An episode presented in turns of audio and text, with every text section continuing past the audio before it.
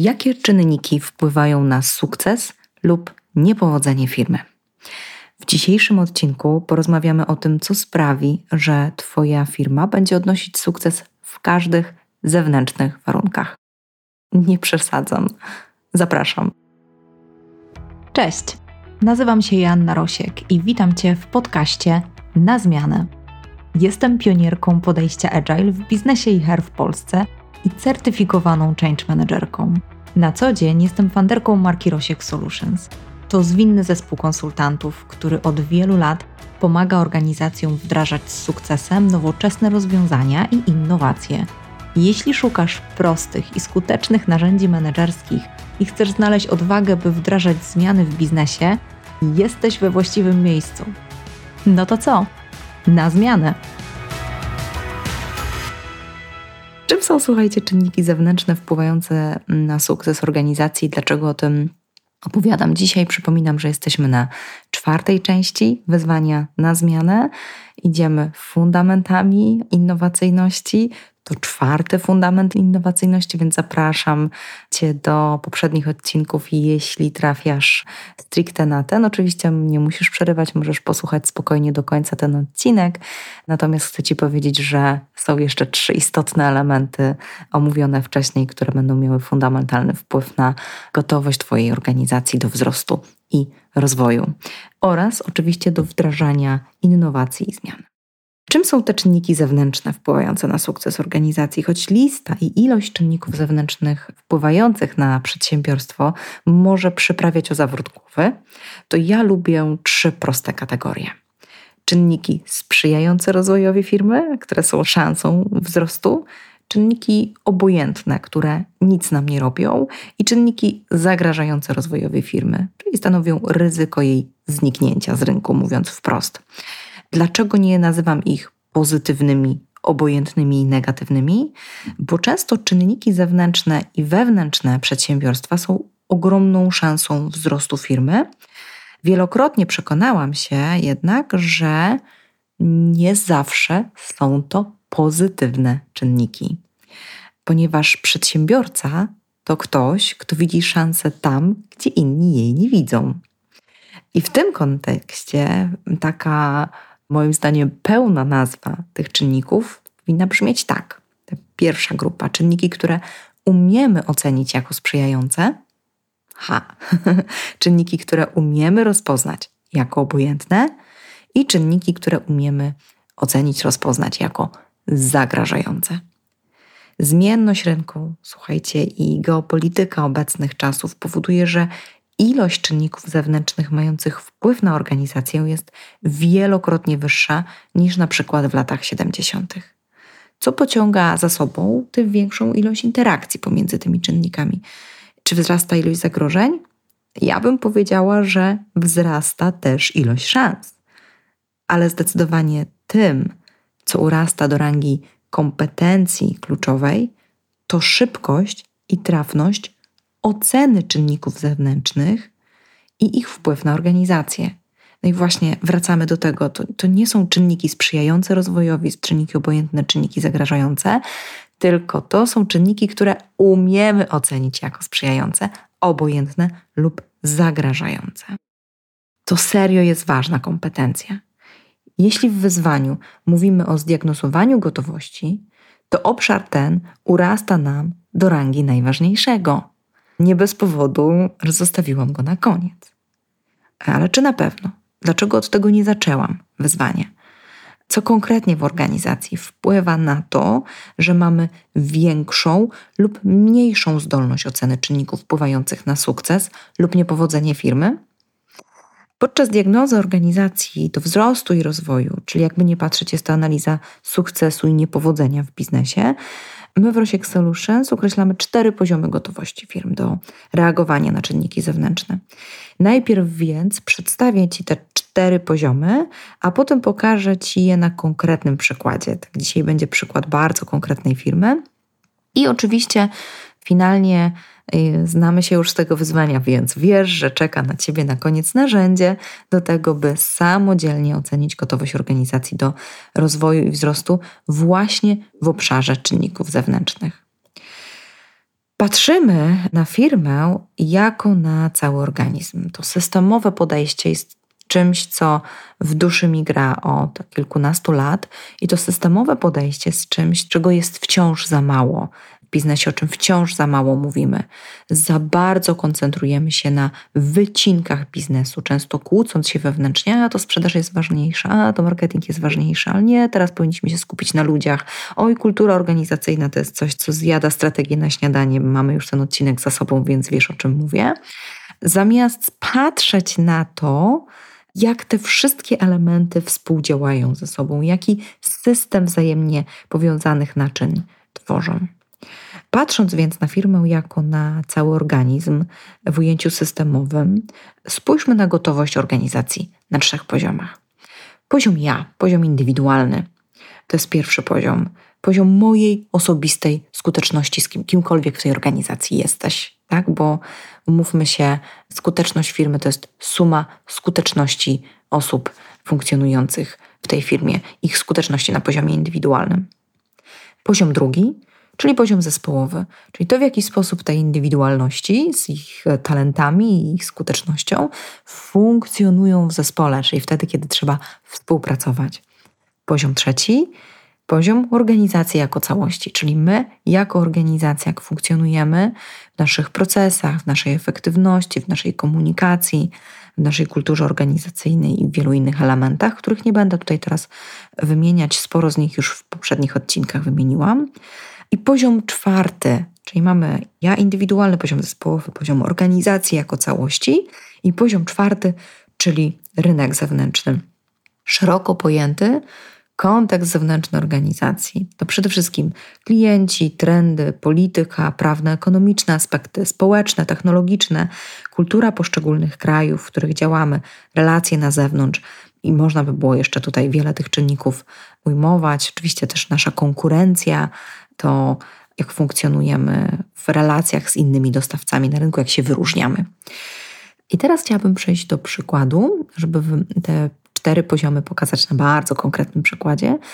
I żeby nie zarzucić Was przykładom Kodaka i Noki, który jest już taki wyświechtany w biznesie, to oczywiście przykład, kiedy firma przegapiła czynniki decydujące o powodzeniu firmy.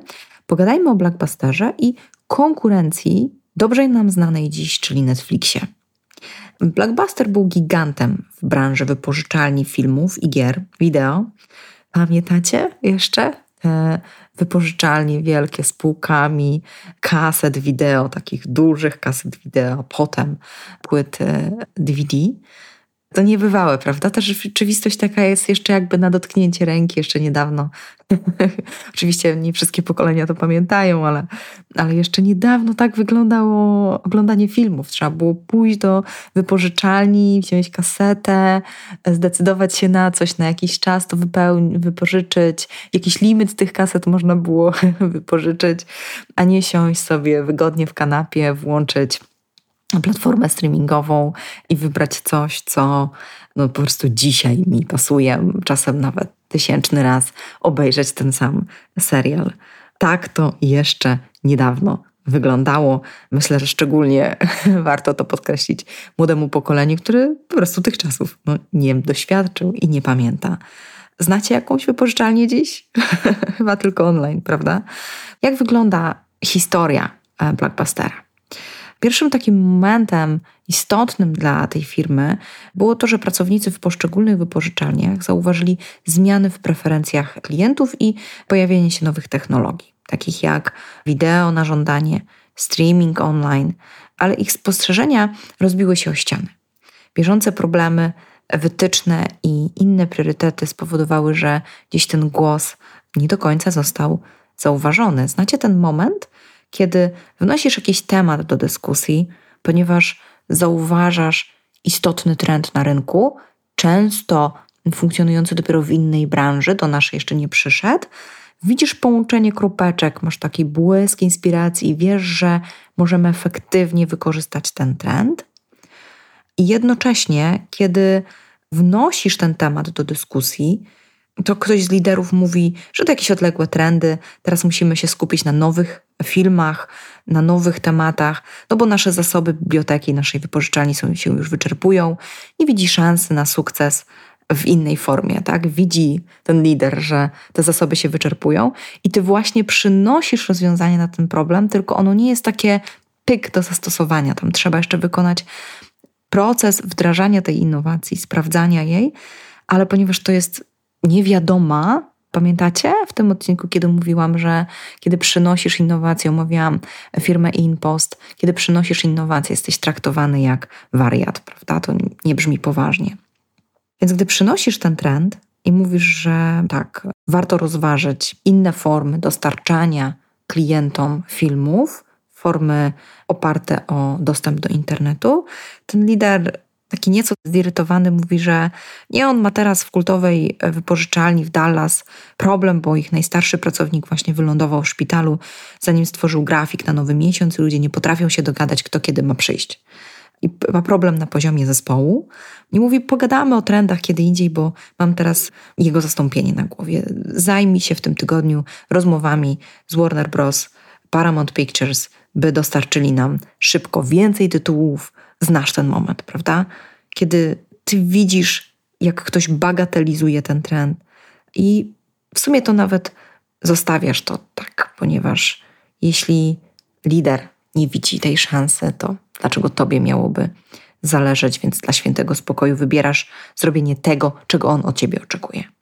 Jestem święcie przekonana, że każdy z Was, słuchaczy, że teraz jak siedzisz tutaj i słuchasz tego, to zidentyfikujesz taki przykład w Twoim doświadczeniu, kiedy przynosisz coś, widzisz jakąś istotną, istotny trend, szansę na wykorzystanie go w organizacji, ale on gdzieś ugina się, utyka pod wpływem tych problemów, które nas dzisiaj dotykają w organizacji. Jak wyglądało zarządzanie kryzysowe w przedsiębiorstwie Blockbuster? No zdecydowanie na poziomie zespołowym cierpiał Blockbuster na brak współpracy pomiędzy działami. Działy marketingu, technologii, operacji działały ewidentnie w silosach, bez wspólnej strategii adaptacji do cyfrowego krajobrazu, który się rozwijał powoli na zewnątrz tej wypożyczalni.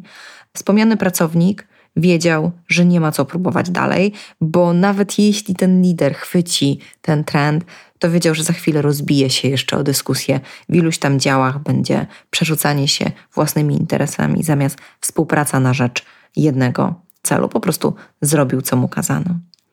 Na poziomie organizacyjnym Blackbuster nie zdołał strategicznie przemyśleć swojego modelu biznesowego w kontekście cyfrowej transformacji. Nie było wizji rozwoju firmy w kierunku jakichkolwiek innych form dostarczania rozrywki klientom. Pomimo późniejszego wejścia na rynek usług cyfrowych, firma była już daleko w tyle za szybko rozwijającym się Netflixem. I firma miała też możliwość zakupu Netflixa, ale zbagatelizowała tą szansę rynkową i ona okazała się fatalna w skutkach, dlatego że Netflix zmiódł z rynku nie tylko Blockbustera, generalnie po prostu taki byt, jakim są wypożyczalnie wideo. W kontekście rynku zewnętrznego Blockbuster nie docenił szybkości, z jaką cyfrowe platformy zmienią sposób, w jaki ludzie konsumują media. Ignorowanie takich trendów, jak wzrost dostępności tego szerokopasmowego internetu i preferencji konsumentów do takich form jak on demand, czyli na życzenie, w tym momencie, w którym chcę obejrzeć film, spowodowało, że no, firma dziś nie istnieje. Zobaczcie, i mamy te czynniki pięknie zmapowane, tak? Czyli mamy ten czynnik indywidualny na poziomie ja jest pracownik, który wnosi, potem rozbija się o zespół. Oczywiście na, na początku rozbija się o swojego lidera, potem rozbija się o zespół, potem rozbija się o, o organizację i finalnie firma ma ogromne problemy na rynku zewnętrznym. I ta historia Blockbustera jest takim no, smutnym, tragicznym przykładem tego, jak drobne elementy, drobne zdania rzucone mogą stanowić ogromną szansę rozwoju firmy, a jednocześnie przegapione mogą stanowić ogromne ryzyko jej zniknięcia. Gdy Blackbuster w końcu zdecydował się zareagować na ten trend, bo takie próby podjął, był już zmuszony, było już za późno. Firma złożyła wniosek o ochronę przed bankructwem w 2010 roku. I ten upadek blockbustera jest przykładem, jak niezrozumienie i zignorowanie czynników zewnętrznych na wszystkich poziomach organizacji może prowadzić do takiego bardzo szybkiego upadku najbardziej dominującej firmy, bo Blackbuster, chcę Wam też uświadomić, był gigantem na rynku, był taką wypożyczalnią pierwszego wyboru. I to pokazuje też, odsłania nam takie znaczenie adaptacji, ale w kontekście właśnie tych czterech czynników, o dzisiaj czterech poziomów, o których dzisiaj wspomniałam, tak? Adaptacji na poziomie indywidualnym, umiejętność dostrzegania tych trendów przez indywidualne osoby, potem windowania ich na poziom zespołowy, potem na poziom organizacyjny i wreszcie zyskiwania przewagi konkurencyjnej na rynku zewnętrznym. No dobra, ale jak to się ma do Twojej firmy? Jeśli nie jesteś gigantem, to co masz zrobić? Otóż nie trzeba być gigantem, by trendy zmiotły cię z rynku.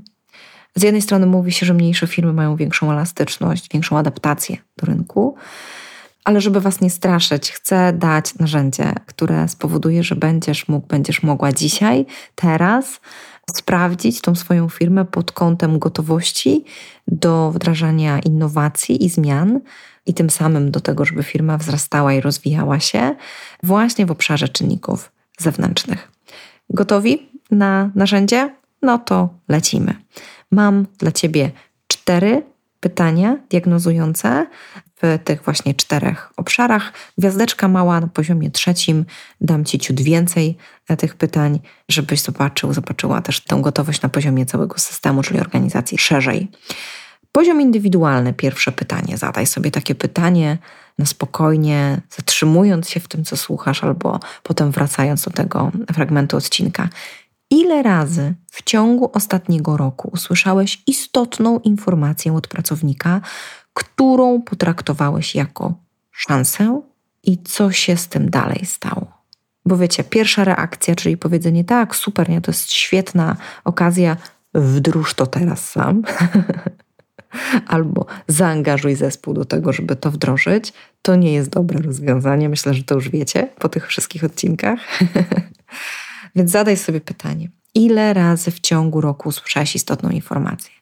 Albo ją słyszysz i robisz coś dalej, albo ludzie na przykład do ciebie nie przychodzą, a już, bo wiedzą, że to zostanie przez ciebie zbite, albo potem utknie na innych etapach systemu. Drugi poziom, poziom zespołowy, i moje pytanie brzmi: ile spotkań zespołowych w ostatnim roku zakończyło się wdrożeniem usprawnienia, które wymagało współpracy międzyzespołowej? Ile spotkań zespołowych zakończyło się wdrożeniem usprawnienia, oczywiście z sukcesem, tak? I to pytanie pomaga określić, czy przypadkiem te pomysły jakkolwiek piękne są, nie utykają na spotkaniach zespołowych. W ogóle spotkania zespołowe to jest osobny temat. Co tam się wyprawia? Można by było nagrać pewnie całą serię odcinków. Poziom organizacji, czyli poziom trzeci, moje pytania. Czy istnieje w Twojej organizacji tryb zgłaszania istotnych obserwacji z rynku, pomysłów na innowacje, który zapewnia poważne ich rozważenie? I pytanie uzupełniające do tego, czy komunikujesz tę silną wizję rozwoju i strategię i inspirujesz całą organizację do tego, by zgłaszali wszelkie pomysły. I teraz tu kropkę postawię i jeszcze dodam gwiazdkę. Słuchajcie, tu nie chodzi o skrzynki z pomysłami. Ludzie, jak ja słyszę pomysł skrzynki z pomysłami, czyli taką ideę, gdzie ludzie po prostu przynoszą pomysły i tam wrzucają, to żeby to wszystko zadziałało, do tego musi istnieć cały system. Ktoś te pomysły musi brać, w jakich parametrach oceniać, rozważać sensownie. ja mówię o tym, czy istnieje w Twojej organizacji tryb zgłaszania istotnych obserwacji z rynku, które mogą szybko zagrozić rozwojowi Twojej firmy albo szybko dać ogromną szansę. Czy ludzie wiedzą, do kogo i gdzie zgłaszać tego typu innowacje i czy my wiemy, jak powinniśmy potraktować innowacje w organizacji, czy pomysł na innowacje w organizacji? Co dalej z nim zrobić? Jak sprawdzić tą innowację? I jak, jeśli zyskamy dowód, e, że warto iść dalej, potem ją dalej wdrażać? I czwarte pytanie. ile źródeł danych o rynku i trendach śledzisz na bieżąco i jak przekładasz te dane na sukces firmy. Hmm? Jeśli pytasz mnie o idealną liczbę, nie ma takiej, tak? W każdym, czy ile razy w ciągu roku usłyszałeś, czy ile spotkań się odbyło i zakończyło się sukcesem, ile tych e, źródeł trendu o rynkach śledzisz, nie ma idealnej liczby. Natomiast popatrz na tą liczbę w kategoriach wielkości Twojej organizacji, tak? Bo jeśli zarządzasz organizacją, która ma już strukturę liderów, na przykład tysięczną, a nie ma żadnych e, zgłaszanych innowacji, to co się dzieje z pomysłami tych ludzi? Gdzie one giną? Gdzie one są? I jak już wiecie, Netflix wygrał na rynku z blockbusterem. I po naszym dzisiejszym narzędziu i po tych pytaniach chcę wrócić jeszcze tutaj na chwilę do tej historii Netflixa i pokazać Ci, jak zapewnił sobie sprawność reagowania na czynniki zewnętrzne. Otóż najistotniejszym elementem kultury organizacyjnej, uwaga, ja mówię właśnie o kulturze organizacyjnej, czyli tym gruncie, na który padały innowacje. Pamiętasz nasz odcinek dotyczący kultury organizacyjnej? Więc w Netflixie tym elementem najistotniejszym jest bardzo, ale to bardzo efektywny feedback w całej organizacji. Netflix ma swój historyczny, sławny dokument o kulturze organizacyjnej, ma swoją metodę 4P bądź 4A, w zależności od tego, czy użyjemy angielskich czy polskich słów, który zapewnia świetny przepływ informacji wewnątrz organizacji. I ta kultura organizacyjna słynie z tego, że pracownicy mają dużą wolność działania i są odpowiedzialni za wyniki swojej pracy, ale dostają też bardzo dużo kontekstu do podjęcia decyzji, czyli liderzy nie wyznaczają im tego, co mają zrobić, ale wyznaczają im kontekst, dobrze opisują zarówno kontekst organizacyjny wewnątrz, jak i na zewnątrz. Dzięki temu ludzie dysponują sporą ilością danych i informacji z zewnątrz i z wewnątrz, by móc samodzielnie podejmować lepsze decyzje niż podjąłby lider i szybsze decyzje ponieważ mogą decydować sami. To podejście też jest opisane w książce, gdy regułą jest brak reguł. Bardzo serdecznie do niej zachęcam. Jest tam kilka takich istotnych prawidłowości. Niech ona będzie dla Ciebie też ogromną inspiracją, jeśli ją przeczytasz. Ale zwróć uwagę, jak istotną częścią tej kultury jest kultura feedbacku.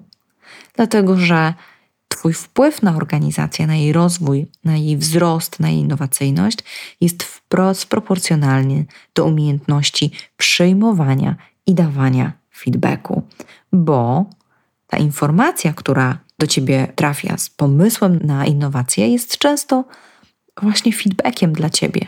Tak jak w dzisiejszej sytuacji w Blackbusterze, ty liderze powinieneś zauważyć, jak przybiłeś tego pracownika, który przyszedł z tym istotnym trendem, przybiłeś go ciężarem dzisiejszych problemów, bo tam gdzieś w ważnym oddziale firmy wydarzyła się jakaś sytuacja i nie ma przestrzeni na innowacje. Słuchajcie, dobijamy powoli do końca naszego wyzwania i naszych czterech odcinków. I czy na końcu tej przygody czeka na ciebie skarb w postaci nieograniczonego wzrostu i rozwoju? Czy raczej pułapka, która sprawi, że Twoja firma zostanie zmieciona z rynku, niczym kurz z antykwarycznego biurka. Pamiętaj, w świecie biznesu każdy z nas może być bohaterem swojej opowieści pod warunkiem, że stworzy efektywnie funkcjonujący system, który sprawnie wychwytuje i wdraża innowacje. System, cały system. I to chciałam Ci pokazać w tym wyzwaniu.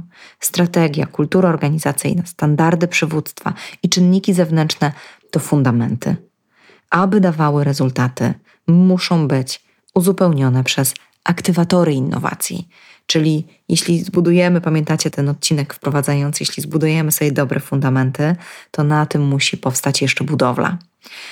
Czym one są? Tej wiedzy na dziś nie zdradzę ponieważ stanowi ona silny trzon naszej unikalnej metodyki i chcę Ci powiedzieć, że wiemy dokładnie, co stanowi przeszkodę w rozwoju Twojej firmy, albo co otwiera ci drzwi do innowacji. I jeśli chcesz iść dalej, jeśli to, co dzisiaj ci do tej pory zaproponowałam w tym wyzwaniu, inspiruje cię do tego, żeby otworzyć tą organizację na wzrost, rozwój, innowacje, to zapraszam cię do kontaktu ze mną osobiście, bądź też z firmą poprzez stronę internetową, czy jakiekolwiek inne źródło kontakt małpa rosieksolutions.pl bądź też przez LinkedIna. I jeśli chcesz poznać te czynniki, które aktywują innowacyjność, to ta wiedza jest absolutnie dostępna, ale na konsultacji. I mam do Ciebie jeszcze jedną prośbę, żebyś nie zostawiał, nie zostawiała tych wszystkich czterech czynników samym sobie, żebyś dalej inspirował, inspirowała się tym, co mam dla Ciebie w kolejnych odcinkach. Chcę, żebyś dziś i proszę Cię o to, żebyś dziś zrobił, zrobiła taką jedną ważną dla mnie czynność. E, I myślę, że dla Ciebie też, bo będziesz na bieżąco, zasubskrybuj ten podcast, gdziekolwiek go słuchasz. Czy jest to dzwoneczek, czy jest to przycisk subskrypcji. Zrób to teraz, ponieważ kolejne odcinki, przed nami jeszcze podsumowanie, nagram jeszcze takie podsumowanie wyzwania i będę miała dla Ciebie też niespodziankę zupełnie na koniec, absolutny prezent. Zapraszam Cię więc do, do kolejnego odcinka, ale teraz w tym momencie zapraszam Cię do subskrypcji i jeśli możesz, jeśli nie jest to dla Ciebie problemem, masz w tej chwili czas, zaznacz też e, ocenę podcastu. Uwielbiam tą piątkę, która jest e, w tej chwili w ocenach i chciałabym, żeby się utrzymała, więc e, im więcej opinii, tym ten podcast dalej się niesie i tym więcej dobra w biznesie. Dziękuję Ci. No to co? Na zmianę.